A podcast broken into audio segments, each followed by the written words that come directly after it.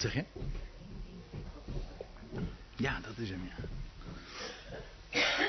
Een hele goede morgen, vrienden.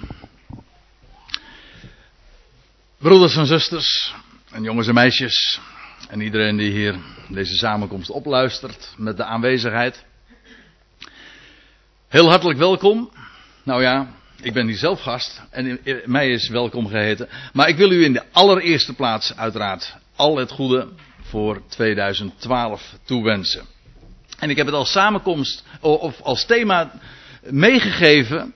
Dat wat ik u vanmorgen wil vertellen en wat wil doorgeven. Een studie is een veel te groot woord. Het is meer een overdenking zo aan het begin van dit nieuwe jaar. En ik heb er boven geschreven, en u ziet het nu allemaal, en dat was precies waar Ron zojuist ook op doelde. 2012. Wat hebben we te vrezen? En het is nou maar net hoe je de klemtoon legt.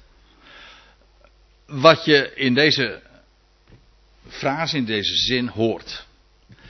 Kijk, en het is met, met opzet uiteraard vanwege de dubbelzinnigheid in deze zin dat ik het zo ook genoemd heb. Kijk, in de eerste plaats kun je natuurlijk gewoon de vraag stellen als je aan het begin van zo'n nieuw jaar staat. En wie doet dat niet? Zoals je op oudejaarsavond doorgaans, daar is de avond ook voor bedoeld, terugdenkt aan dat wat gepasseerd is en wat er allemaal ja, heeft plaatsgevonden in je persoonlijk leven of meer in het grote wereldgebeuren. Zo denk je op de 1 januari toch na over dat wat gaat komen. En één ding is duidelijk, niemand weet het. Ik bedoel, geen mens weet het. Ja, zo moet ik het vertellen natuurlijk. Geen mens kan het je vertellen. Er zijn prognoses, er zijn verwachtingen, er zijn allerlei voorspellingen ook. Ja, als, want als we het over 2012 hebben, is dat uh, toch een gedachte die in ieder geval bij mij al sinds jaren door mijn hoofd eh, gaat. 2012, en u hebt er ongetwijfeld ook wel het een en ander over gehoord en gelezen. Moet je maar eens een keertje op internet, kan ik u eh, aanbevelen. Moet je eens 2012 intikken. En dan voorspellingen of zoiets. Nou, dan krijg je al sinds jaar en dag ik bedoel, al jaren geleden werd dit jaartal genoemd. Dat er van alles over dit jaar wordt vermeld. Hè. Eh, en dat wordt dan met name in, samen, in samenhang doorgegeven over de, de Maya-kalender van wat, uh, wat oudere, oude volkeren in, in, in een grijs verleden al over dit jaartal zouden hebben gezegd. Ik zeg het expres een beetje voorzichtig, want het is allemaal zwaar omstreden. Maar in elk geval, 2012 zou dan toch in elk geval een heel bijzonder jaar moeten zijn. Waarbij, en dat viel mij op als je, eh, als je dat dan opzoekt op internet bij 2012, dan vallen de voorspellingen uiteen in twee groepen. Namelijk een hele pessimistische. Waarbij gedacht wordt dat we dit jaar, en dan wordt met name de, de datum 21 december, dat duurt inderdaad nog eventjes. Uh, genoemd, dan zou er, dan zou er een, een vreselijke ramp gaan plaatsvinden. Waarbij dat ook weer uiteenvalt in allerlei varianten, wat dat dan zou zijn. Het is allemaal speculatie. En dat is dan gebaseerd op de Maya-kalender, waar, waarbij een hele cyclus wordt afgesloten in dit jaar en op die specifieke datum dan in het bijzonder. En anderen zeggen van nee, 2012 is juist een heel bijzonder jaar in die zin dat we, dat we een geweldige overgang gaan meemaken, misschien door allerlei ellende heen, naar een geweldig vredetijdperk. Ook dat is een idee, een gedachte die bij velen leeft. En als u niet georiënteerd bent op de Bijbel, maar u bent wel wat spiritueel, zal ik maar zeggen, ingesteld, dan, dan zijn dat zo van die gedachten die je zomaar kunt hebben praat maar eens een keertje met collega's, praat maar eens een keertje met buren of met, met mensen over deze dingen. En dan, dan springt dit jaartal eruit. Maar even los daarvan, van dat soort voorspellingen die aan dit jaar juist gekoppeld worden, want ik moet u zeggen, ik heb daar niet zoveel, uh, ik heb daar niet uh, echt een boodschap aan. Ik bedoel, ja, wat wil je? We hadden het vanmorgen juist in de auto nog even over. Ja, 2012, de Maya-kalender. Waarom wel de Bijbel en niet de Maya-kalender? Vroeg een van mijn beide jongens. Hm? Nou, dat, daaruit ontspon zich dan nog een, een heel aardig gesprek. Maar goed, hè, Straks zal ik dat vanzelf nog wel even wat nader duidelijk maken. Maar zelfs als je even die, die al dat soort voorspellingen, die speculaties, de Maya-kalender even buiten beschouwing laat, dan in elk geval kunnen er, spoken er toch allerlei dingen uh, door je gedachten. Als ik zeg spoken, dan denk je meteen aan hele enge dingen mensen die denken dan, als het gaat om het grote politieke gebeuren, over ja, wat, wat zal er gaan, gaan plaatsvinden in, in de internationale politiek. En dan altijd weer is het zo dat met name dan toch ook weer de ogen gericht zijn op het Midden-Oosten. Ik bedoel, het afgelopen jaar is er één woord dat er wel heel in het bijzonder uitgesprongen is: de Arabische lente. Hoezo lente, denk ik dan. Maar in elk geval een hele golf van revoluties door die Arabische wereld. Hoe zal zich dat verder af gaan tekenen?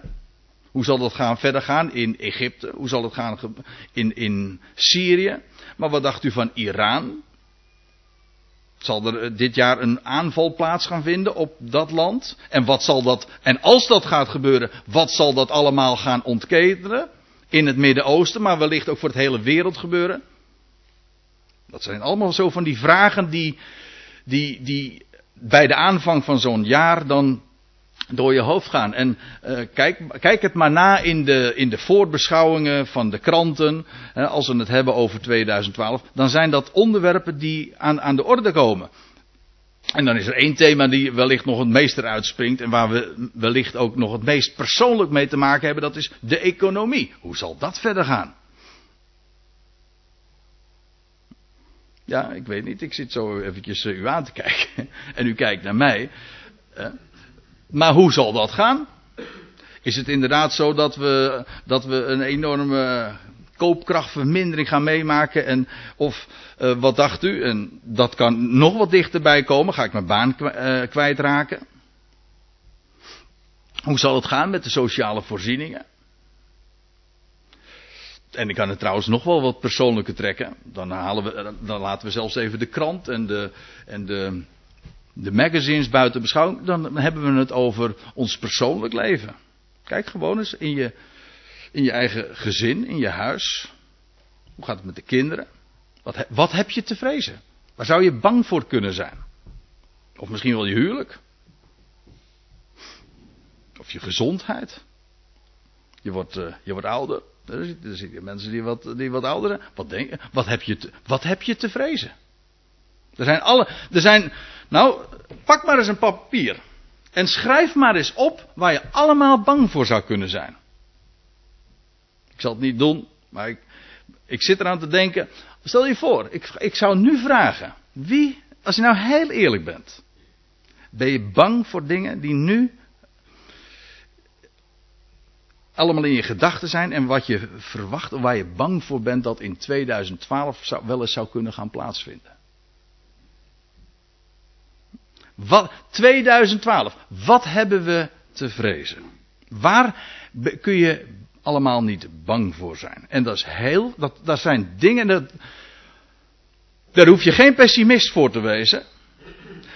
Maar gewoon, je staat met beide benen op de grond en je je, je, je leeft je leven en er, je maakt dingen mee, dan zijn er talloze dingen waar je gewoon naar de mens gesproken bang voor bent.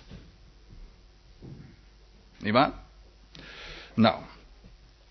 2012, wat hebben we te vrezen? Ik heb eronder geschreven Psalm 27, vers 1 tot 7.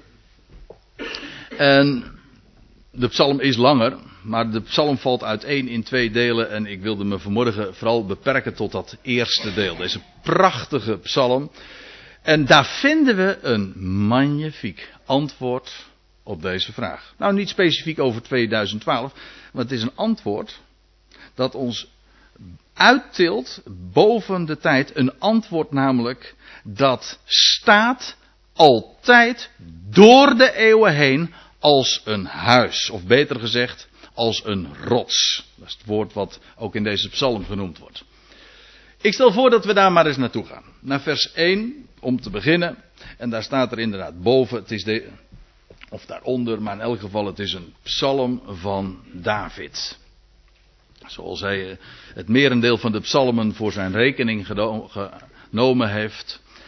En David, en dat blijkt ook uit deze psalm, met name de tweede helft, die bevond zich meer dan eens in zijn leven in zeer te vrezen situaties. Hij beschrijft dat hier ook. Maar hij vangt zo triomfantelijk aan.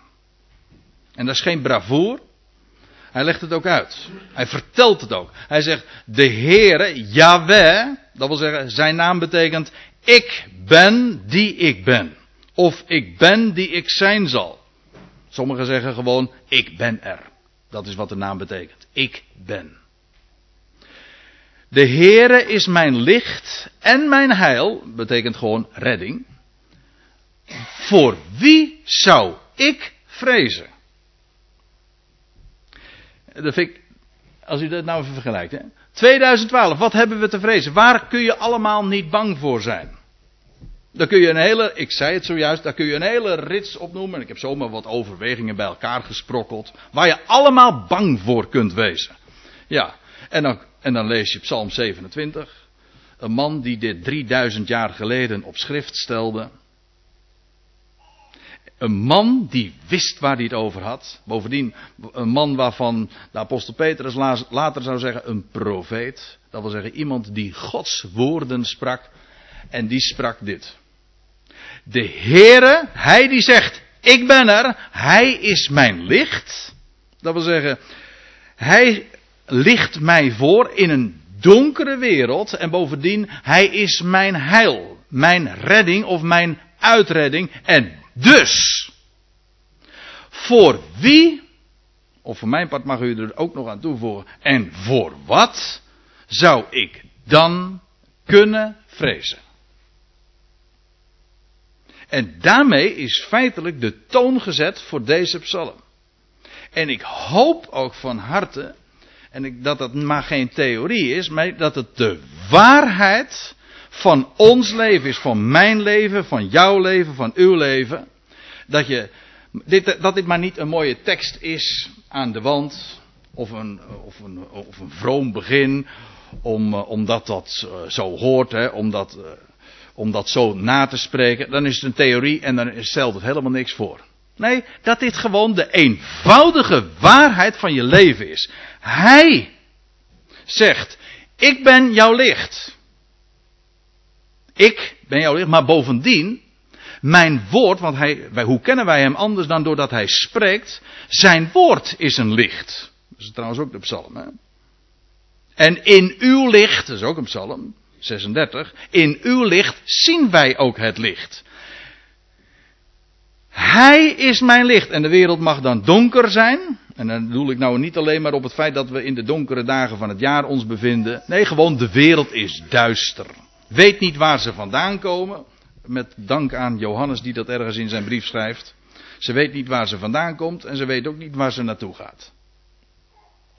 Wij hebben zijn woord en wij hebben een licht in de duisternis, een lamp bovendien voor onze voet. Wij weten perfect, omdat Hij gesproken heeft, waar we ons bevinden, waar we naartoe gaan, waar we vandaan komen. Kortom, licht in de duisternis. En dat is ook precies het grote verschil. En dat, nou knoop ik meteen nog weer eventjes aan bij het uh, gesprek wat we in de auto hadden. Over die Maya-kalender. Weet u wel waarom, waarom wel de Bijbel en niet die Maya-kalender. Het mooie van het woord van God is. Dat die, het woord van God voorspelt niet. Hè?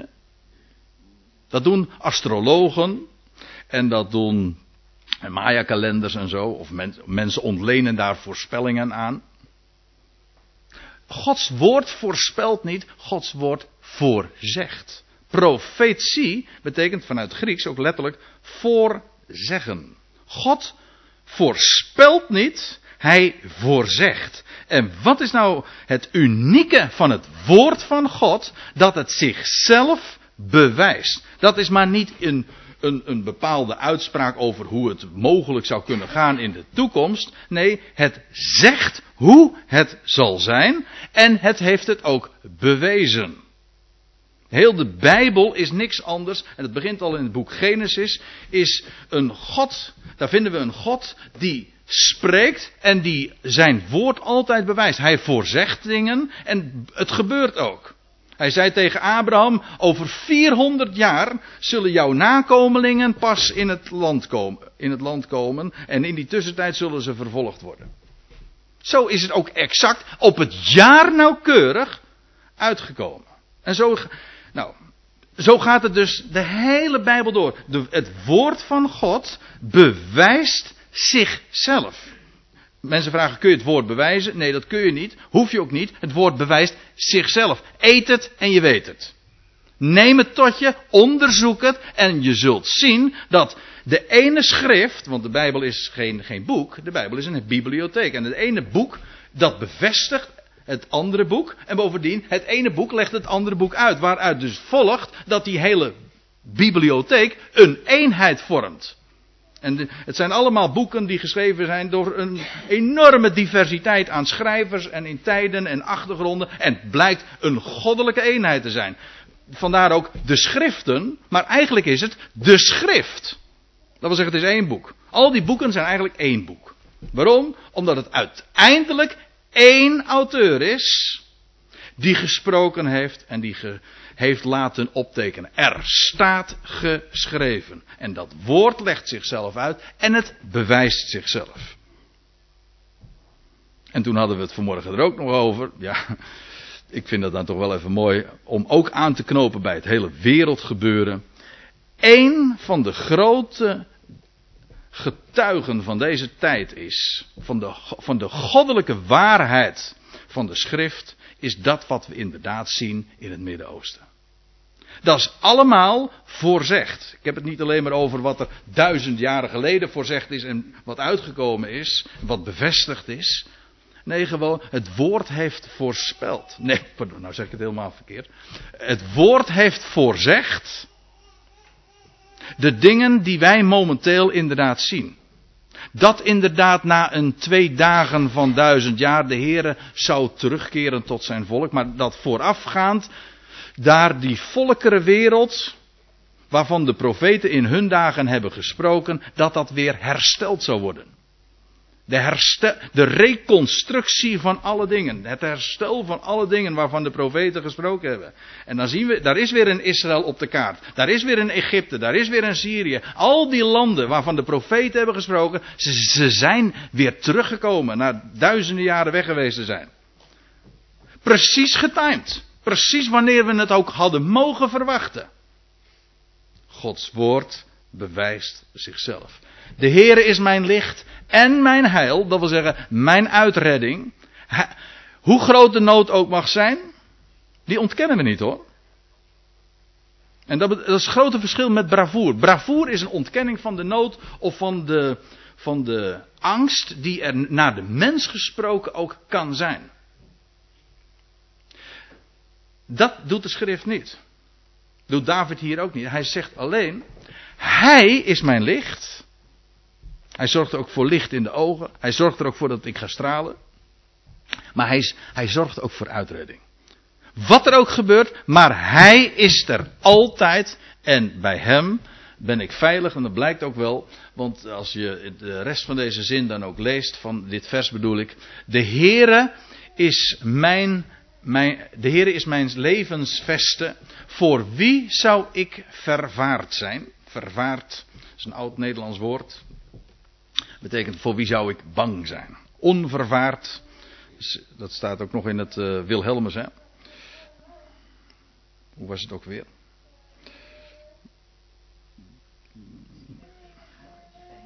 Nee. Ja, nou, nou, moet u even helpen hoor. U kent toch wel het.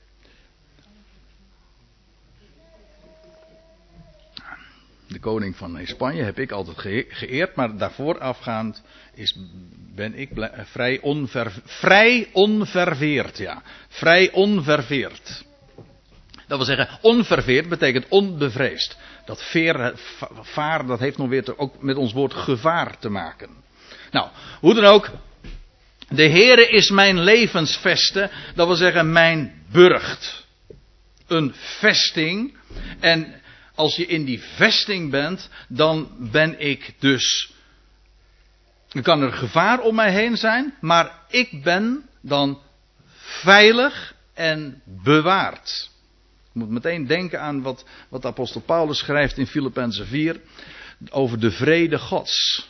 En de vrede Gods, in onze vertalingen komt het niet echt uit de verf, maar er staat letterlijk, en de vrede Gods, die alle verstand te boven gaat, dat wil zeggen, je kunt het niet begrijpen. Maar de vrede van God, dat wil zeggen de vrede die God zelf heeft, de Heer, dat, vind ik, dat vind ik altijd zo mooi aan te denken. Dat hoe paniekerig jezelf misschien ook kan zijn in bepaalde omstandigheden. En dat, dat, je, dat je ligt te bibberen in je bed voor dat wat je, waarvoor je bevreesd bent. God heeft vrede. God, bij God is geen paniek. Er loopt bij hem nooit wat uit de hand. Het gaat ook nooit mis bij hem. En hij geeft alles een plek. Nou, die vrede die God heeft, dat is de vrede Gods. Die zal je harten en je gedachten behoeden, staat er. Maar dat woord behoeden, dat is in het Grieks behoeden als in een vesting. Dat, was, dat is dit. Een levensvesting. Een vaste burcht. Ik, zou, ik ben haast geneigd om het te zeggen. Een vaste burcht is onze God. Precies. Een toevlucht voor de zijne. En voor wie trouwens ook maar wil komen. Daar is hij een toevlucht voor. Een levensvesting.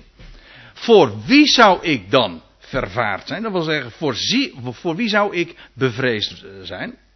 Hij is mijn vesting. En dan zegt uh, David verder, toen boosdoeners op mij afkwamen om mijn vlees te eten. Dat klinkt wat uh, extreem. Maar daar kwam het toch op neer. Het is wel een idioom, dat begrijp ik ook wel. Zo gebruiken wij het trouwens ook hoor. En dan zeggen we van, nou, die lusten, die lusten wij rauw. Hm? heb je het dan over je tegenstander. Die lusten we rauw. Die eten we op. Toen boosdoeners op mij afkwamen om mijn vlees te eten. En David heeft zich inderdaad in zulke omstandigheden meer dan eens bevonden. Ooit in de dagen van Saul. We weten niet wanneer hij dit lied heeft gecomponeerd. Tegen de achtergrond van wat. Maar we weten dan in elk geval dat hij dan in. We hebben het daar ooit wel eens een keertje op deze plaats ook over gehad, weet ik. Dat hij dan ook veilig was in een vesting en dat hij in een grot was. In de verborgenheid. In Adullam. Later heeft hij zich ook nog schuilgehouden in Sela. Tegenwoordige Petra, de rots daar. Die rotsstad in, de, in het zuiden van Israël. Rotsstad, zei ik ja. ja. Ja. Dubbel S, ja, dat hoor je niet, maar. Dat hij met recht dus in een vesting zich bevond. En dat boosdoeners op hem afkwamen. Dat zijn leven niet zeker was. En, maar er staat om mijn vlees te eten, mijn tegenstanders, mijn vijanden. Zijn zij zelf gestruikeld en gevallen. Kijk. Terwijl ze het op hem gemunt hadden, keerde God het precies om. Er zijn heel wat bijbelse voorbeelden van te geven. De, de meest eh, bekende is ongetwijfeld die van de legers van Farao die op Israël afgingen. Toen ze uit het eh, land van Egypte trokken en daarbij de Schelfzee aankwamen. En toen zou het volk van Israël zou inderdaad getroffen worden. Boosdoeners kwamen op hen af, jawel, maar de Heer keerde het zo om dat het leger van Farao omkwam in de Schelfzee. Terwijl Israël veilig was doorgetrokken. Kijk, dat zijn de, dat zijn de marges, dat zijn de, de dingen waar we mee te maken hebben als we het hebben over God. Nee, niet over een sprookje. We praten hier niet over leuke, aardige dingen om eens over te, overdenken. Of pep talk. Dat ga je de komende dagen ook weer horen. Dit is, ja, ik weet niet hoe u hier zit en hoe u hier naar luistert. Dit is geen pep talk, dit is de realiteit. Dit zijn geen, we zijn net, we hebben net de Sinterklaas gehad. De, de hele maand december is vergeven van zoetigheid. Nou ja, ja, ja, ook in andere opzicht, ja, van, van zoete, sappige praatje over Sinterklaas en sorry, maar ik denk heel vaak dat is in kerst uh, ligt in ongeveer in dezelfde categorie. Maar wij praten, wij zijn geen kunstig verdichte fabelen nagevolgd. Het is geen sprookje, niet iets leuks om eens even aan te denken, om warme gevoelens te krijgen. We praten over de realiteit. En of je dat nou voelt of niet, daar heeft het niks mee. te maken. Het is de waarheid. Zoals David dat heeft meegemaakt en hij heeft het bevestigd gezien in zijn leven. Na aanleiding daarvan heeft hij dit ook gecomponeerd. En dan lees je in vers 3, want ik moet verder gaan om bij vers 7 uit te komen. Ja, ja. Oh, u moet straks nog op nieuwjaarsvisite. Oké, okay, nou goed. Uh, al legert zich een leger tegen mij, mijn hart vreest niet. En al, is, een, dat is een mooi parallelisme, verheft zich een krijg tegen mij, nochtans blijf ik vertrouwen. Oké, het is een beetje oud-Nederlands, maar zo moeilijk is het nou ook weer niet om het te begrijpen. al, al een hele legerschade, al zijn er van allerlei vijanden. En past dat gewoon. David in zijn dagen heeft het op die manier beleefd. Heel letterlijk zelfs. Een leger. Maar gewoon vijanden. Dingen die, zich, die het hebben. Of dingen of zaken of mensen die het hebben gemunt op jou. Waarvoor jij bevreesd zou zijn. Maar David zegt. Al legert zich een heel leger tegen mij. Mijn hart vreest niet. Is dit theorie of is dit de waarheid? Als het waar is dat Hij mijn licht, mijn vesting is. En mijn heil, dat wil zeggen mijn uitredding. Dat betekent dus dat je inderdaad kan zeggen 2012. Wat hebben wij te vrezen? Absoluut niets. Waarom niet? Hij is mijn heil, mijn redding, mijn licht. Daarom zegt hij, mijn hart vreest niet, al verheft zich een krijg tegen mij, nochtans blijf ik gewoon vertrouwen. En dat is precies ook het sleutelwoord. Het is een kwestie van vertrouwen. En vertrouwen heeft weer alles te maken met trouw en met betrouwbaarheid. En dat is precies waar het over gaat, namelijk het woord van God. Hij die trouw is, hij die zich die trouw is aan zijn eigen woord. Hij is betrouwbaar. Hij heeft gesproken. Je kunt daarvan op aan. En, daarom, en daarop is mijn vertrouwen gebaseerd. Vertrouwen hangt niet in de lucht. Niet van nou ja, ik hoop het. Nee, het is vertrouwen. Hij heeft, hij heeft gesproken. Staat ergens in de psalmen, in de berijmde psalmen, vond ik altijd erg mooi vroeger, toen we dat in de kerk eh, nogal eens zongen. Ik heb het zelf uit zijn mond gehoord. Zo mooi. Ik heb het zelf uit zijn mond gehoord. Niet men zegt, dat is allemaal kul. Dat is ook al bovendien de waan van de dag. Want men zegt nu dit, maar ik kan u verzekeren, morgen en overmorgen en de volgende maand zegt men weer anders. Dat is allemaal, allemaal variatie, dat is allemaal wind van leer, dat is de, en, en, als je daarop ziet, ja, dan ga je twijfelen. En de meeste mensen leven gewoon op die golven van de stroom van de tijd en van de waan van de dag. En dat wat populair is of wat iedereen dan aanneemt. Of sta je gewoon op dat fundament van zijn woord. En dan zegt de psalmist, en dat is waar jij zojuist op doelde, die waren uh, Tineke. Eén ding heb ik van de Heere gevraagd. Dit zoek ik. Nou, voordat we daar nu, uh, nu verder lezen, maar dit, eerst even dit. Eén ding. Wij denken dat vele dingen belangrijk zijn. Vergeet het nou maar. De, de, mensen denken soms ook dat de Bijbel heel uh, moeilijk is. De Bijbel is zeer eenvoudig. Het is buitengewoon diepzinnig en hoog. Je raakt er nooit je hele leven over uitgedacht. En ik, ik denk wel eens, ik ben nu al, nou, mag wel zeggen, al tientallen jaren toch wel vrij intensief bezig met, met het bestuderen van de schrift. En ik denk net, als, als de Bijbel een, een, en zijn woord een oceaan is, dan ben ik volgens mij net van wal gestoken. In die sfeer ligt dat. Dus je moet je niks verbeelden. Uh, je, je hebt er wat over nagedacht. In meer niet, echt niet. En toch, dit is zo waar. De Bijbel uiteindelijk is zo simpel. Eenvoud. Het gaat over één God. één woord. één middelaar. één hoop. Ja, ik ben haast nog geneigd om de woorden van Paulus in Efeze 4 eraan toe te voegen. Maar één ding. Moet je eens opletten. Dat is ook een mooie Bijbelstudie trouwens. Kijk eens een keertje waarna wat. één ding. De Heer Jezus zei tegen die rijke man. Eén ding ontbreekt jou. Die man die, die zei, die zo op zichzelf, uh, die zo tevreden was met zichzelf. En weet je wat de Heer dan zegt? Eén ding ontbreekt je. Tegen Martha. En Maria werd gezegd. Nee, tegen Martha. Martha, Martha. Martha, Martha, ja. Gij maakt u bezorgd over vele dingen. Het is eigenlijk mooi, mooi om dat op nieuwjaarsdag zo te overwegen. We maken ons bezorgd over vele dingen. En we, en we, we jagen en we doen zoveel. En, en heb je alles gedacht aan dit en heb je nog gedacht aan dat. Je maakt je bezorgd over vele dingen. Maar één ding is van nodig. En Maria, die had het goede deel gekozen. Wat deed hij? Precies wat David hier ook doet. Ik zal het straks laten zien. Die zat aan de voeten van de Heer. En die luistert naar zijn woord. Maar moet het dan niet zo. Eén ding is maar nodig. Eén ding. Zijn woord. En dan kun je een heleboel dingen niet weten. Van, van de blindgeborene lees je, als die in Johannes 9, dan, dan worden hem allerlei moeilijke vragen gesteld. Van ja, wie is dat dan die je genezen? En dan zegt hij, één ding weet ik. Ik was vroeger blind, maar nu kan ik zien. die, die dat is ook een mooie. De blindgeborene, hij kon allerlei vragen niet beantwoorden. Misschien zit dat met u, eh, u, ook wel. Als u het hebt over, over allerlei bijbelse thema's. Zeg, ik weet het niet. Ik weet het echt niet.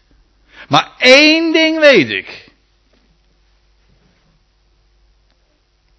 Oh ja. Ik dacht even dat mijn telefoon afging. Dat zou gênant zijn, maar neem me niet kwalijk. Eén, ding weet ik, zegt die man. Ik was vroeger blind, maar nu kan ik zien. En dan denk ik ook nog aan de apostel Paulus. Die uh, in Filippenzen 3. Dat hij zegt, kent u hem? Eén ding doe ik. Vergeten hetgeen achter mij ligt. Van 2011 en uh, alles wat achter je ligt, alles soren. Maar ook alles waar je je zo op beroemt. Want daar gaat het trouwens in Filippenzen 3 over. Eén ding doe ik. Vergeten hetgeen achter mij ligt. En ik strek me uit naar dat doelwit. De kennis van Christus Jezus. Daar heeft David het ook over. Ik zal het u echt laten zien. Eén ding heb ik van de Heer gevraagd. Dit zoek ik. En er, en er staat erbij. Te verblijven in het huis des Heren. Al de dagen van mijn leven. Waarom? om de liefelijkheid des Heren te aanschouwen en om te onderzoeken in zijn tempel. Dat laatste woord is trouwens heel opmerkelijk. Want je zou zeggen, David, in, in zijn dagen was daar de tabernakel, zijn, de tent van God. Ja, maar David spreekt hier al over de tempel. Eigenlijk spreekt hij hier over, en dat bedoel ik ook een beetje dubbelzinnig, over wat er zou plaatsvinden bij de zoon van David, want in de dagen van de zoon van David zou de tempel gebouwd worden. En ik zal u vertellen, maar dan zouden we eigenlijk ook door moeten gaan naar het tweede deel van deze psalm. Deze psalm is ook inderdaad profetisch. Het gaat over de zoon van David. Maar goed. Dat ene ding waar het om gaat. Waar we het zojuist over hadden. Of waar ik naar verwees in Lucas 10 over Maria en Martha. Eén ding is slechts nodig. En Maria had het goede deel gekozen. Wat deed ze? Ze luisterde. Ze zat daar aan de voeten van de Heer en ze luisterde naar wat hij sprak. Namelijk de woorden Gods. De schriften gaan open. Eén ding heb ik van de Heer gevraagd. Dit zoek ik. Te verblijven in het huis des Heeren. Dat wil zeggen, daar waar hij vertoeft. Waar hij is. Al de dagen van mijn leven. Hoeveel daar nog te gaan zijn, maakt niet uit. Maar al de dagen van mijn leven gaat het maar om één ding. En dat is om de lieflijkheid des Heren te aanschouwen. En inderdaad, dan denk ik ook inderdaad aan de zoon van David. Want waar wordt de lieflijkheid van de Heer juist, waar treedt hij aan het licht al anders dan in hem die de zoon, maar nou spreek ik het allemaal met hoofdletters uit, dat de zoon van David. Om dat te aanschouwen, de heerlijkheid van de Heer, van zijn woord. En om te onderzoeken in zijn tempel. Om bezig te zijn met wat hij gesproken heeft. Dat is wat anders dan de waan van de dag. Maar om bezig te zijn met zijn woord. Te onderzoeken. Wat staat er in geschreven? Wat zou het betekenen? Zoals Maria dat trouwens ook, dat lezen we ook in Lucas. Ze was altijd maar ze had de, van de boodschapper dingen vernomen. En dan lees je dat zij uh, het woord in haar hart bewaarde. Ze overleggende wat het betekenen mocht. Ik citeer het een beetje vrij, maar. Dan, dat, is de, dat is wat er zo over haar gezegd wordt. Ze bewaarde de woorden in haar hart. En ze overwoog voortdurend in haar hele leven. Wat zou dat betekenen? En zo ga je de schriften. De schriften leggen zichzelf uit. Of leggen elkaar uit. En dan ga je onderzoeken. En weet u wat het mooie is? God opent zijn woord voor degene die zijn woord ook werkelijk serieus nemen. Als je, als je je niet onderwerpt aan zijn woord. Als je niet bereid bent te geloven dat wat er staat geschreven, zul je het nooit begrijpen. Maar God ontsluit zijn schatkamer. En de schriften gaan open op het moment dat je gaat onderzoeken, zoals David dat hier zegt. Onderzoeken in zijn huis. De schriften gaan open doen. Eén ding. En wat 2012 allemaal gaat opleveren, ik hoop dat er voor één, voor u ook en voor jou ook, één ding werkelijk belangrijk is. Niet het eerste, nee, uiteindelijk is er maar één ding en dat is bij Hem te vertoeven. Te luisteren naar Zijn woord, te onderzoeken dat wat Hij te melden heeft. En daarmee ook Zijn liefelijkheid te zien, daardoor zelf ook veranderd te worden. Want zo gaat het. Als we Hem zien, dan zullen we naar hetzelfde beeld, zegt Paulus in 2 Korinthe 3, veranderd worden van heerlijkheid tot heerlijkheid. Dan gaan we stralen. De Heer is mijn licht en ik ga stralen. Hij is mijn licht, maar ik ga schitteren. Want hij bergt mij, vers 5, in zijn hut ten dagen van het kwaad. Hij verbergt mij in het verborgene van zijn tent. Nou, dat is toch taal die ons moet, aan, die moet aanslaan. Zeker als we georiënteerd zijn op de woorden van de apostel Paulus, aan wie de, de huishouding van de verborgenheid is bekendgemaakt. Niet waar? We leven in een verborgen tijd. En bovendien, ons leven is met Christus verborgen bij God. David sprak er in zijn dagen ook over. Hij bergt mij in zijn hut ten dagen van het kwaad. Met andere woorden, dan ben ik dus beveiligd. Dan ben ik veilig en bewaard. Hij verbergt mij in het verborgene van zijn tent. In Adullam, denk ik dan. Adullam betekent trouwens ook verbergen. In de, in de verborgenheid. Hij plaatst mij hoog op een rots. Ik heb een plaatje erbij gemaakt. Sommigen van u kennen dat misschien. Is ik ben er zelf ooit geweest. Nou, ik heb niet ooit op zo'n zo'n rotsblok gezeten, want dat durf ik echt niet.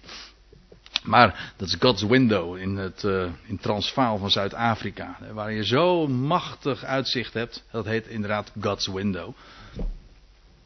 Hij plaatst mij hoog op een rots. Op een rots. Ja, dat is zijn woord. En dan word je, dan inderdaad, dan zeggen ze, mensen misschien dat als je op, als staat op zijn woord, dan, ben je, dan word je een beetje uit de hoogte. Ja, dat klopt dan eigenlijk wel. Hè?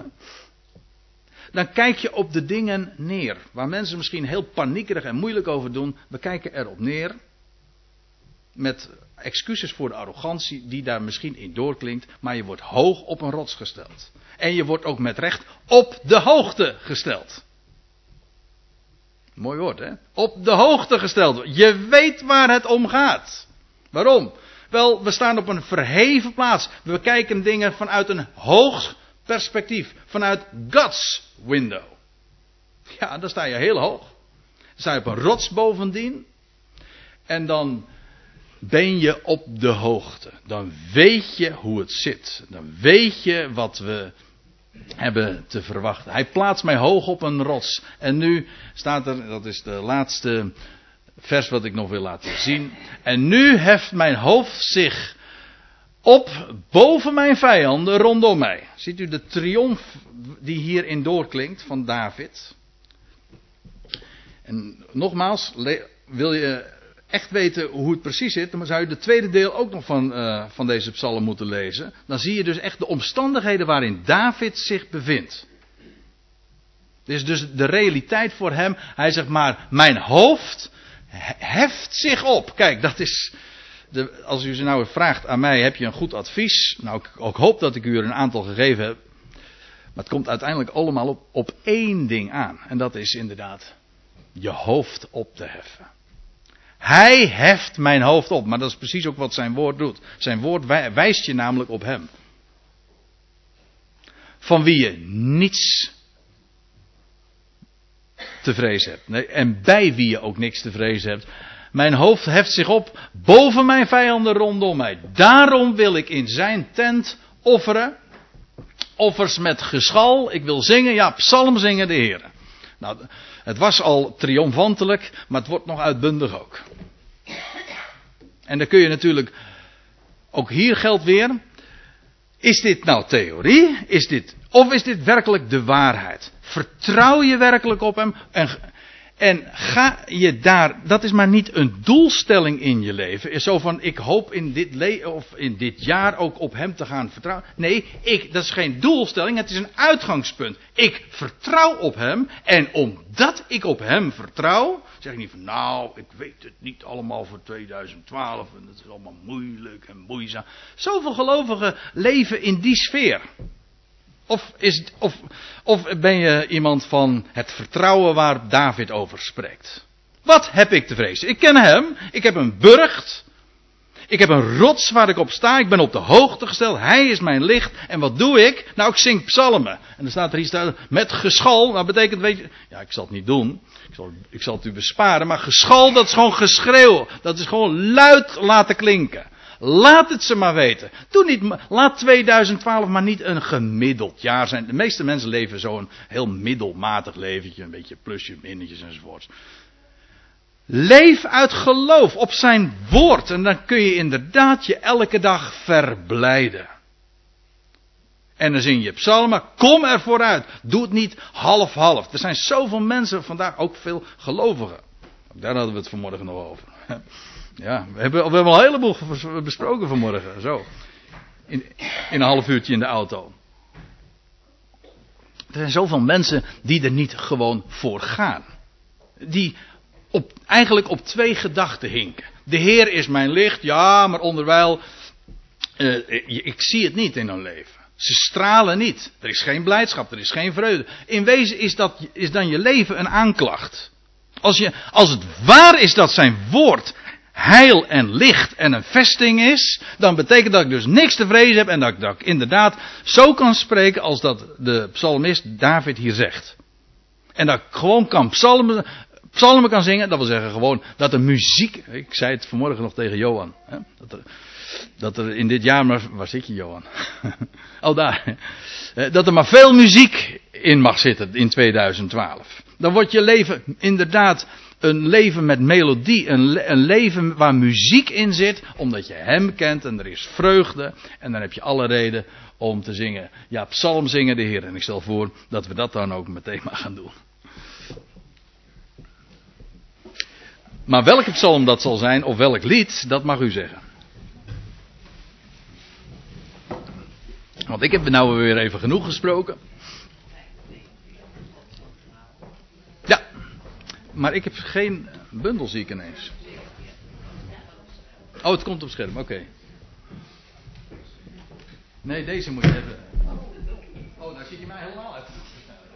Oh, oh ja. Hè? Ja. Hè?